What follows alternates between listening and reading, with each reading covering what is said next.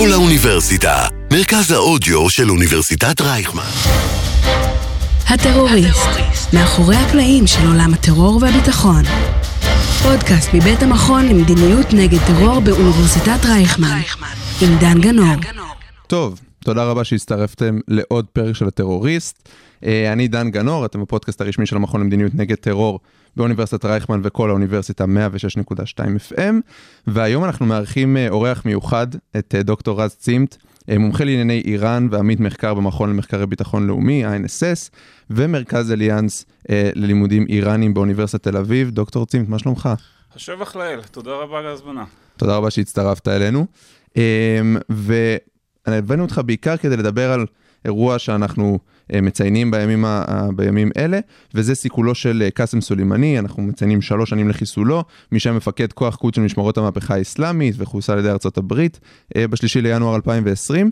והייתי רוצה שקצת נדבר על מי הוא היה, ובאמת ניקח את זה גם לעולמות של איראן אה, האסטרטגית של היום. אה, אז באמת, אם תוכל ככה בקצרה, מה זה כוחות קודס, מי היה קאסם סולימני, למה בעצם חיסלו אותו?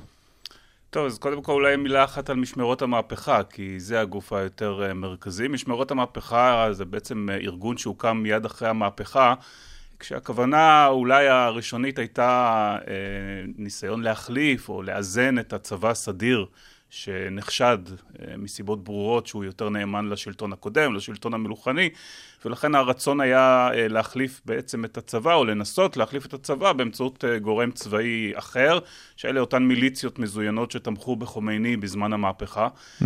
מהר מאוד הרעיון הזה נזנח, הוא בוודאי נזנח כאשר בספטמבר 1980 פרצה מלחמת איראן-עיראק, ובעצם מאז המהפכה האסלאמית יש באיראן, אם תרצה, שני, שני ארגונים צבאיים מובילים. האחד זה הצבא הסדיר, שיש לו כמו בכל צבא, זרוע אוויר, זרוע יבשה, זרוע אה, ים, ובמקביל לצבא הסדיר יש את משמרות המהפכה, כשגם במשמרות המהפכה יש אה, חיל אוויר, חיל ים, חיל, חיל יבשה mm-hmm. או זרועות, אבל בנוסף לשלוש הזרועות האלה יש אה, שתי, שני ארגונים שהם ייחודיים, ייחודיים למשמרות המהפכה, אחד שלא נדבר עליו היום, שזה הבסיג', זה זרוע הגיוס, המתנדבים, שהיו להם תפקידים גם במלחמת איראן-עיראק, סוג של כוח מילואים, אבל בשגרה הם עוזרים למשל בדיכוי הפגנות, אנחנו רואים אותם מאוד בחודשים האחרונים בעיצומו של גל המחאה, והזרוע החמישית היא באמת כוחות קוץ, כוחות קוץ,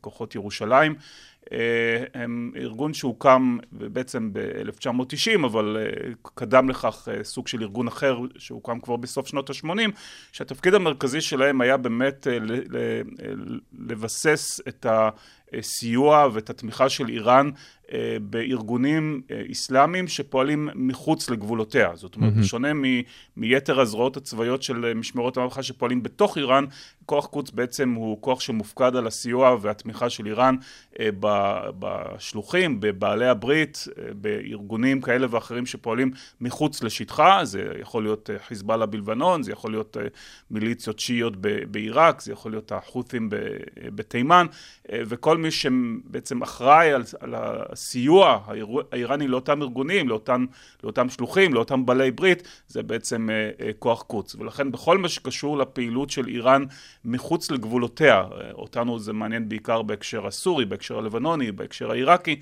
זה כמובן מעניין גם את האמריקאים, עומד אותו כוח קוץ, ובראשו אה, עמד למעשה מאז 1997 או 98 אה, קאסם סולימני, מפקד הכוח, ששימש בתפקידו ל-22-23 שנה עד חיסולו, ומתוקף העובדה שהוא שימש כמפקד כוח קוץ, הוא בעצם היה אחראי בוודאי בעשור האחרון לחייו, תחת מה שכונה האביב הערבי, לאותן פעילויות שנועדו להגביר את ההתבססות ואת המעורבות של איראן במרחב הערבי. זאת אומרת, לדעתך, אני לא יודע עד כמה התקופה הזו מוכרת, אבל לפני סולימני ואחרי סולימני, אגב, האם אומרים uh, סלימני, סולימני, קאסם, ראסם, יש כל מיני... Uh... אם, uh, אם להשתמש בפרסית נכונה, זה קאסם סולימני, אבל אנחנו... טוב, זה, לרמה הזאת אני עוד לא אגיע. אבל קאסם סולימני זה אבל, בסדר. אז קאסם סולימני, האם, האם באמת, אפרופו אביב הערבי, אז ראינו האצה בפעילות של כוחות קודס תחתיו, או שזה בעצם היה המשך של מה שהיה לפניו? הייתי אומר שזה מעבר להאצה, זה, זה במידה רבה כוח קוץ שינה, די שינה את מהותו. זאת אומרת, כוח, mm-hmm. כוח קוץ עד ה-so called אביב הערבי. היה כוח שהוא קטן, ככל הנראה מנה כמה אלפי חברים. אה, שהוא פעל בעיקר בפעילות חשאית אה, לסיוע לגורמים כאלה ואחרים, בין אם זה האופוזיציה שפעלה, השיעית, שפעלה נגד, שפעלה נגד סדאם חוסיין עד הכיבוש האמריקאי של 2003, mm-hmm. בין אם כמובן הסיוע לחיזבאללה, שנמשך מאז, אה, מאז שנות ה-80, ולאחר מכן שנות ה-90 ו-2000. אה, אבל זה היה כוח באמת שכמעט לא, הוא היה ודאי מוכר, אבל גם, גם קאסם סולימני עצמו היה דמות כמעט ולא מוכרת, אה, גם בתוך איראן ובוודאי וגם מחוץ לאיראן, וגם הכוח עצמו הוא באמת פעל יותר כאיזושהי יחידת עילית אה, שפעלה בעיקר בחשאי. קאסם סולימי בעצם, וזה לא רק בגלל יכולותיו, שאפשר להרחיב עליהן יותר מאוחר, אבל זה בעיקר בעקבות השינוי בנסיבות, והעובדה שאיראן נדרשה בעשור האחרון לחייו אה, לעבור משלב של סיוע ומימון ותמיכה בארגונים איסלאמיסטיים כאלה ואחרים, ממש לניהול מערכה. גם בסוריה, אה, בהתחלה נגד המורדים, אה, שפעלו נגד אה, בעל הברית האסטרטגי של איראן, וזה סוריה, ולאחר מכן דאעש, גם בסוריה, אבל גם, גם בעיראק, וזה בעצם חייב את קאסם סולימני לקחת את כוח קוץ במידה רבה לספח לכוח קוץ הגרעיני גם גורמים שאינם היו, שלא השתייכו לכוח קוץ, למשל חלק מכוחות, הק... מזרוע היבשה של משמרות המהפכה שבמידה רבה סופחו לכוח קודס ונשלחו בעיקר החל מ-2015 לסוריה כחלק מהכוח האיראני שפעל שם ובנוסף לגייס סוג של אם תרצה ליגיון שיעי זר mm-hmm. שכלל גם, גם חלקים מחיזבאללה הלבנוני גם חלקים מהמיליציות השיעיות העיראקיות לכך צירפו גם פליטים, פליטים אפגנים ופקיסטנים שהיו באיראן וגויסו במסגרת החטיבה האפגנית פטמיון והחטיבה הפקיסטנית זייני ביון ונשלחו יחד עם משמרות המהפכה לחזית בסוריה כך שהוא בעצם לקח את כוח קוץ והפך אותו ל...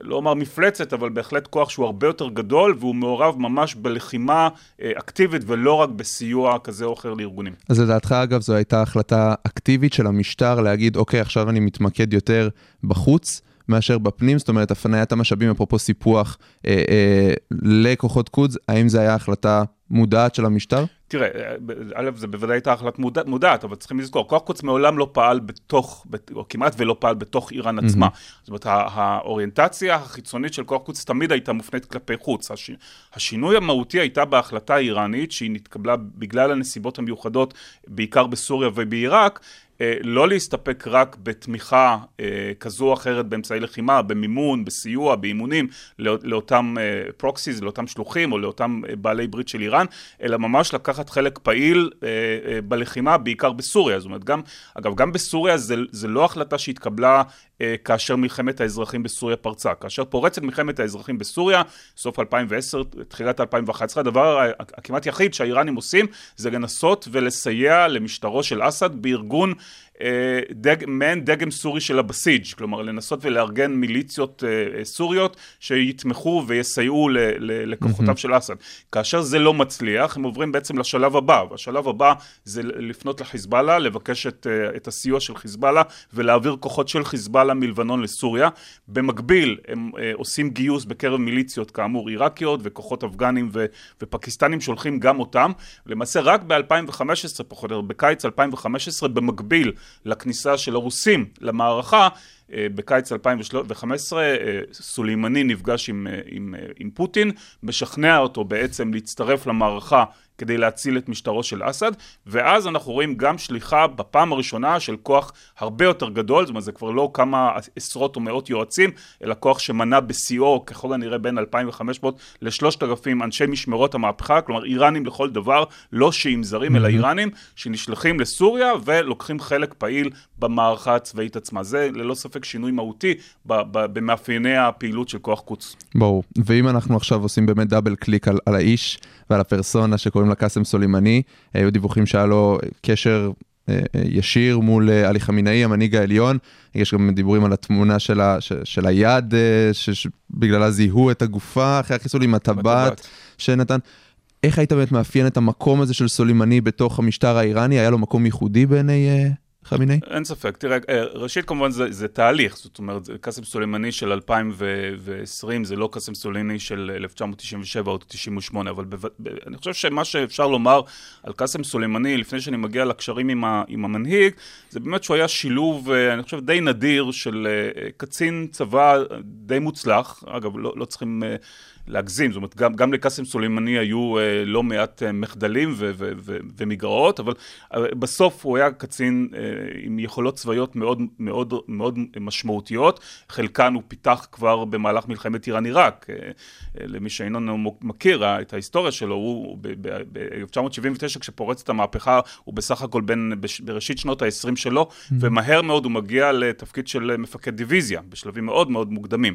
כך שאין ספק... אדם מוכשר. אדם מוכשר מאוד מבחינה צבאית, אבל בנוסף לכך היו, היו לו בוודאי כישורים שאפשר לומר שהוא היה גם פוליטיקאי מאוד מוצלח. פוליטיקאי מאוד מוצלח במובן הזה שהוא הצליח לטוות את אותה רשת קשרים ענפה בין איראן לבין אה, בעלות בריתה, לבין שלוחיה באזור, כולל מפקדי וראשי המיליציות השיעיות גם בעיראק, גם אה, חסן נסראללה, חיזבאללה, עם אדמורניה, גם ראשי החות'ים בתימן, והשילוב הזה בין אה, דמות שהיא, שהיא גם, הוא גם קצין צבא מוכשר וגם פוליטיקאי מוכשר, ללא ספק יצר את, את היכולות האלה שהוא, שהוא הפגין. Mm-hmm. זה כמובן מהר מאוד קידם אותו גם, גם במערכת הפוליטית בתוך איראן, ו, ואין ספק שהוא נחשב לאחד המקורבים מאוד לחמינאי.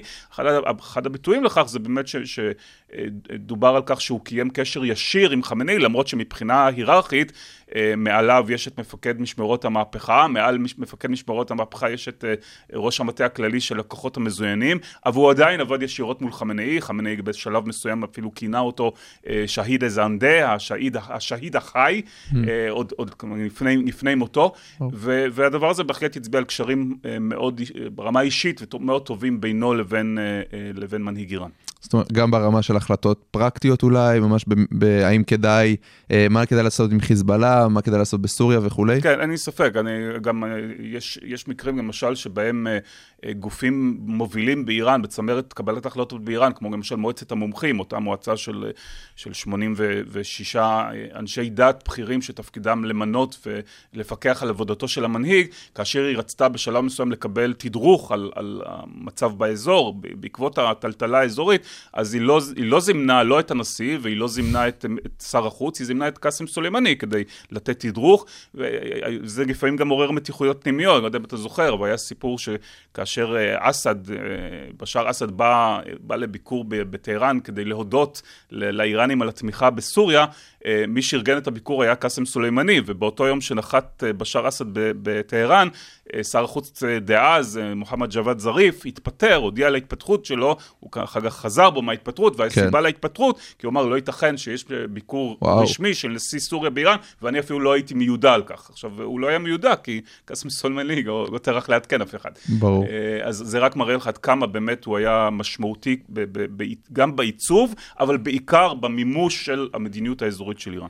אז נשמע שאין ספק למה הוא עלה לשולחן דיוני המבצעים האמריקאי לפחות, ולמה הוא באמת חוסל. אבל קח אותנו אולי באמת לאירוע הזה, אם אני לא טועה, בלילה בין השלישי לינואר לרביעי בינואר 2020.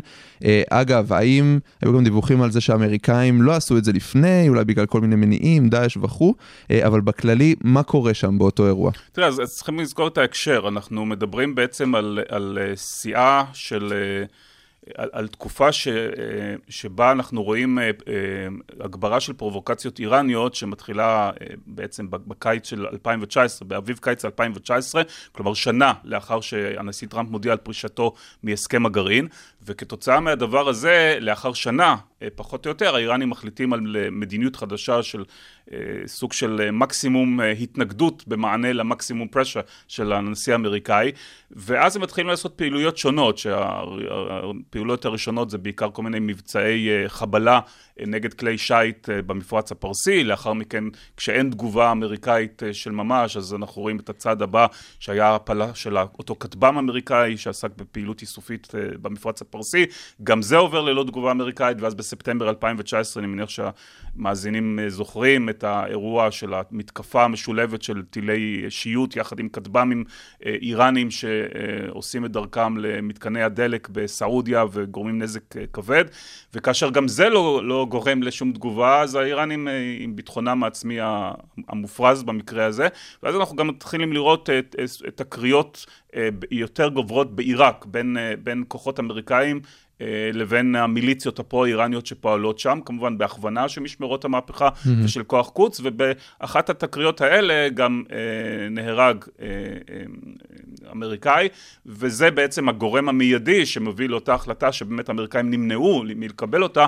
אה, בעיקר אני חושב כי הם חששו מתגובה. אה, היה, היה איזושהי תחושה שאם אה, קאסם סולימני, שהיה על הכוונת עוד קודם לכן, אם, אה, אם הוא יחוסל זה, זה עלול להוביל ממש לעימות צבאי אה, כזה או אחר בין האמריקאים לבין איראן, ולכן הם לא עשו את זה, אבל באמת בהחלטה שאני חושב שהפתיעה לא, לא פחות את האמריקאים עצמם מאשר את האיראנים, אה, הוחלט על חיסולו של סולימני, ועל פי פרסומים כאלה ואחרים, אה, גם המודיעין שנעשה פה שימוש היה מודיעין אה, לא רק אמריקאי, אלא...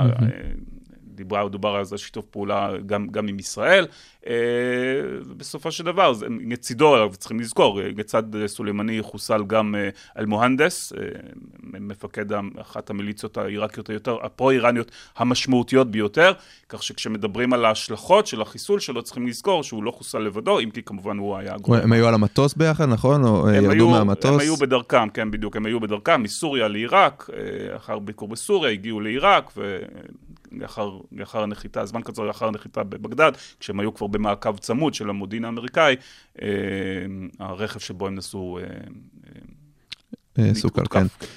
אז באמת, אירוע, כמו שאמרת, הפתיע את האיראנים, הפתיע את האמריקאים, דמות שהייתה כל כך חזקה ומשמעותית, נעליים מאוד מאוד גדולות למלא. איך המערכת האיראנית מגיבה? מה אתה מזהה שם? תראה, אז, אז אני חושב ש, שפה המציאות היא מאוד מורכבת, אה, משום שמצד אחד האמירה הברורה והחד משמעית זה שחיסול ברמה הזו באמת אה, יש לה, יש לה השלכות אה, מאוד משמעותיות. זאת אומרת, כפי שאמרתי, קאסם סולימני בסוף היה בהיותו שילוב של פוליטיקאי מאוד מוצלח עם, עם קצין מאוד מוצלח, חיסול של אה, אישיות כזו גם במערכת שהיא מאוד מסודרת ומאוד מאורגנת ו, ויש מחליף, וקרעני, אסמאעיל קרעני שהחליף אותו היה בתפקידו כסגן מפקד כוח קוץ אה, פחות או יותר עשרים שנה כך שיש לו ניסיון גם אם הוא באמת מתקשה להיכנס לנעליו הגדולות של, של סולימני.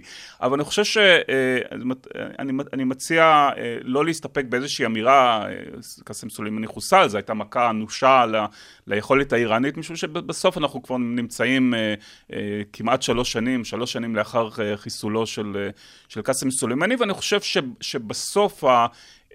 אנחנו יכולים להצביע על, על תמונה שהיא מורכבת. זאת אומרת, מצד אחד אנחנו בהחלט יכולים לראות אה, סימנים מסוימים לכך שחלק מהיכולת האיראנית אה, לשלוט, לא בהכרח להשפיע, אבל לשלוט בחלק מהמיליציות השיעיות שקשורות אליהם, בעיקר בעיראק אנחנו רואים את זה, אה, נפגע, נפגע במידה מסוימת. זאת אומרת, ללא ספק אה, לכהני, שגם הוא לא היה, לפחות לאחרונה הוא לא, דבר, הוא לא היה דובר ערבית, אין ספק שהיה לו קשה מאוד להיכנס, להיות ב... ב בצומת כזה שמאפשר לו אה, להמשיך ולתחזק את אותה רשת של קשרים שקאסם סולימני... הם דיווחו שהוא היה בירוקרטי, הוא היה בירוקרטי יותר מאשר איש... הוא גם היה בירוקרט והוא גם מתעסק, חייבים לומר, רוב, רוב, התקופ, רוב התקופה אה, שהוא שימש כסגן מפקד כוח קוץ, הוא, הוא היה אחראי בעיקר על, על החזית המזרחית, זאת אומרת על מה שקורה באפגניסטן, ופחות mm-hmm. התעסק במרחב, במרחב הערבי, והיעדר קשרים אישיים זה משהו שהוא בהחלט אה, מאוד משמעותי. ומצד שני, כשאתה מסתכל בראייה של שלוש שנים לאחור, האם הפעילות האיראנית להתבססות בסוריה, לסייע לפרויקט אה, הטילים המדויקים של חיזבאללה, לסיוע לחות'ים, להתערבות במה שקורה בעיראק, בתהליכים פוליטיים בעיראק, בסיוע למיליציות שיעיות, האם הוא נפגע? אה, אני, אני לא משוכנע, זאת אומרת, בסוף אני חושב שהסיטואציה היא מאוד שונה ממה שהייתה בעבר, כי איראן היום לא נדרשת, בשונה מרוב תקופתו של קאסם סולימני בעשור האחרון, איראן לא נדרשת כבר לנהל מערכה צבאית, זאת אומרת, המערכה בעיראק הסתיימה, המערכה בסוריה הוכרעה, היא לא הסתיימה לגמרי, אבל היא די הוכרעה, ולכן אין צורך באותה סוג של מעורבות, אה, אה, זאת אומרת, אותו שינוי שדיברתי עליו קודם לכן, שקאסם סולימני לקח את, כוח קוץ והפך אותו מארגון קטן חשאי לסוג של מעצמה, אה, ארגון גדול שמנהל מערכה צבאית, אין כבר צורך בדבר הזה, ו, ולכן אני חושב שחיסולו של סולימני במידה מסוימת בא בזמן שממילא איראן נדרשה להעריך מחדש את מאפייני הפעילות שלה באזור, אה, אבל האם איראן ויתרה על השאיפות שלה אה, לבסס את השפעתה, לתמוך בארגונים כאלה ואחרים, זה נראה לי ברור שלא. זה נראה לי בדיוק שאלת הזהב כרגע, כי אה, באמת, כמו שאמרת, היו אירועים שאילצו אותה להתערב, אבל עכשיו היא כבר בפנים, הנוכחות שלה בסוריה, עם כל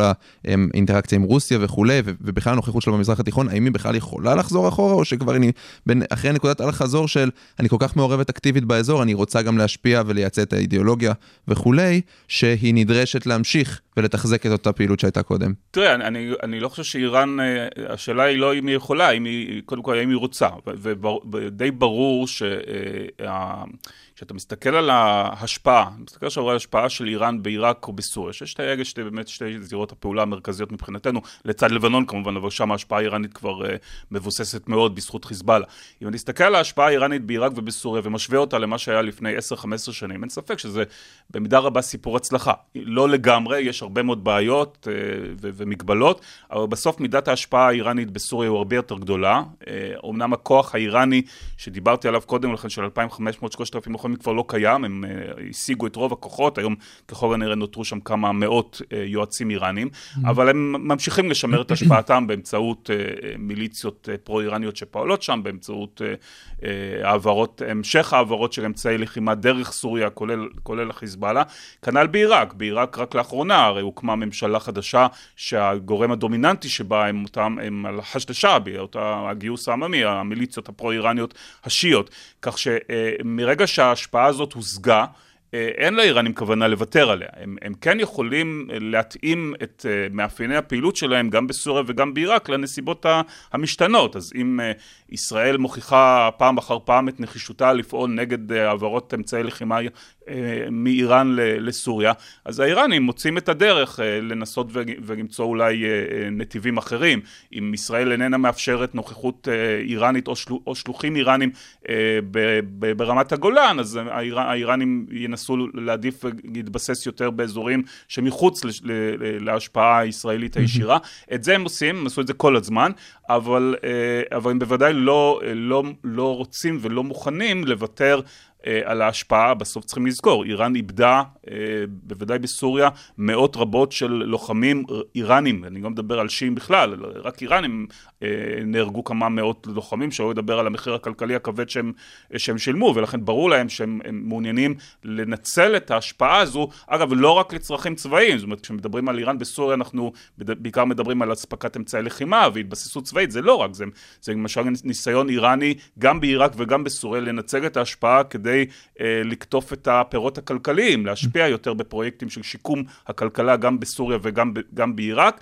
שוב, הם לא מצליחים לעשות את זה באופן מוחלט, אבל הם בוודאי לא מתכוונים לוותר על, על השאיפות האלה. ברור, והזכרת את ההקשר הישראלי, אם אנחנו עושים על זה זום אין, ובאמת סלימני, אה, סולימני לפי הדיווחים היה מאוד מקורב גם למה שקורה ממש פה, אה, איך אתה רואה את היחסים בין כוח קודס ובין איראן בכלל לחיזבאללה, האם משהו השתנה? מאז uh, חיסולו של סולימני, האם זה השפיע איכשהו על פרויקט דיוק הטילים ועל כל הפרויקטים המיוחדים שהם עושים ביחד כנגד ישראל?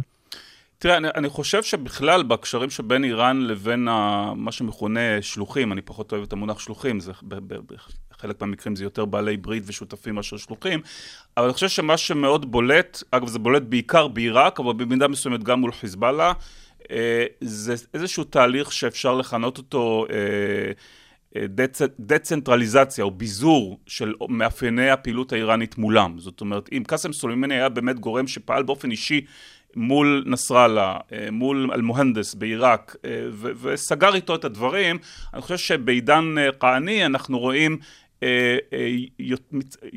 פחות, פחות פעולה ברמה האישית, יותר סמכויות שהשלוחים עצמם או בעלי הברית עצמם מקבלים.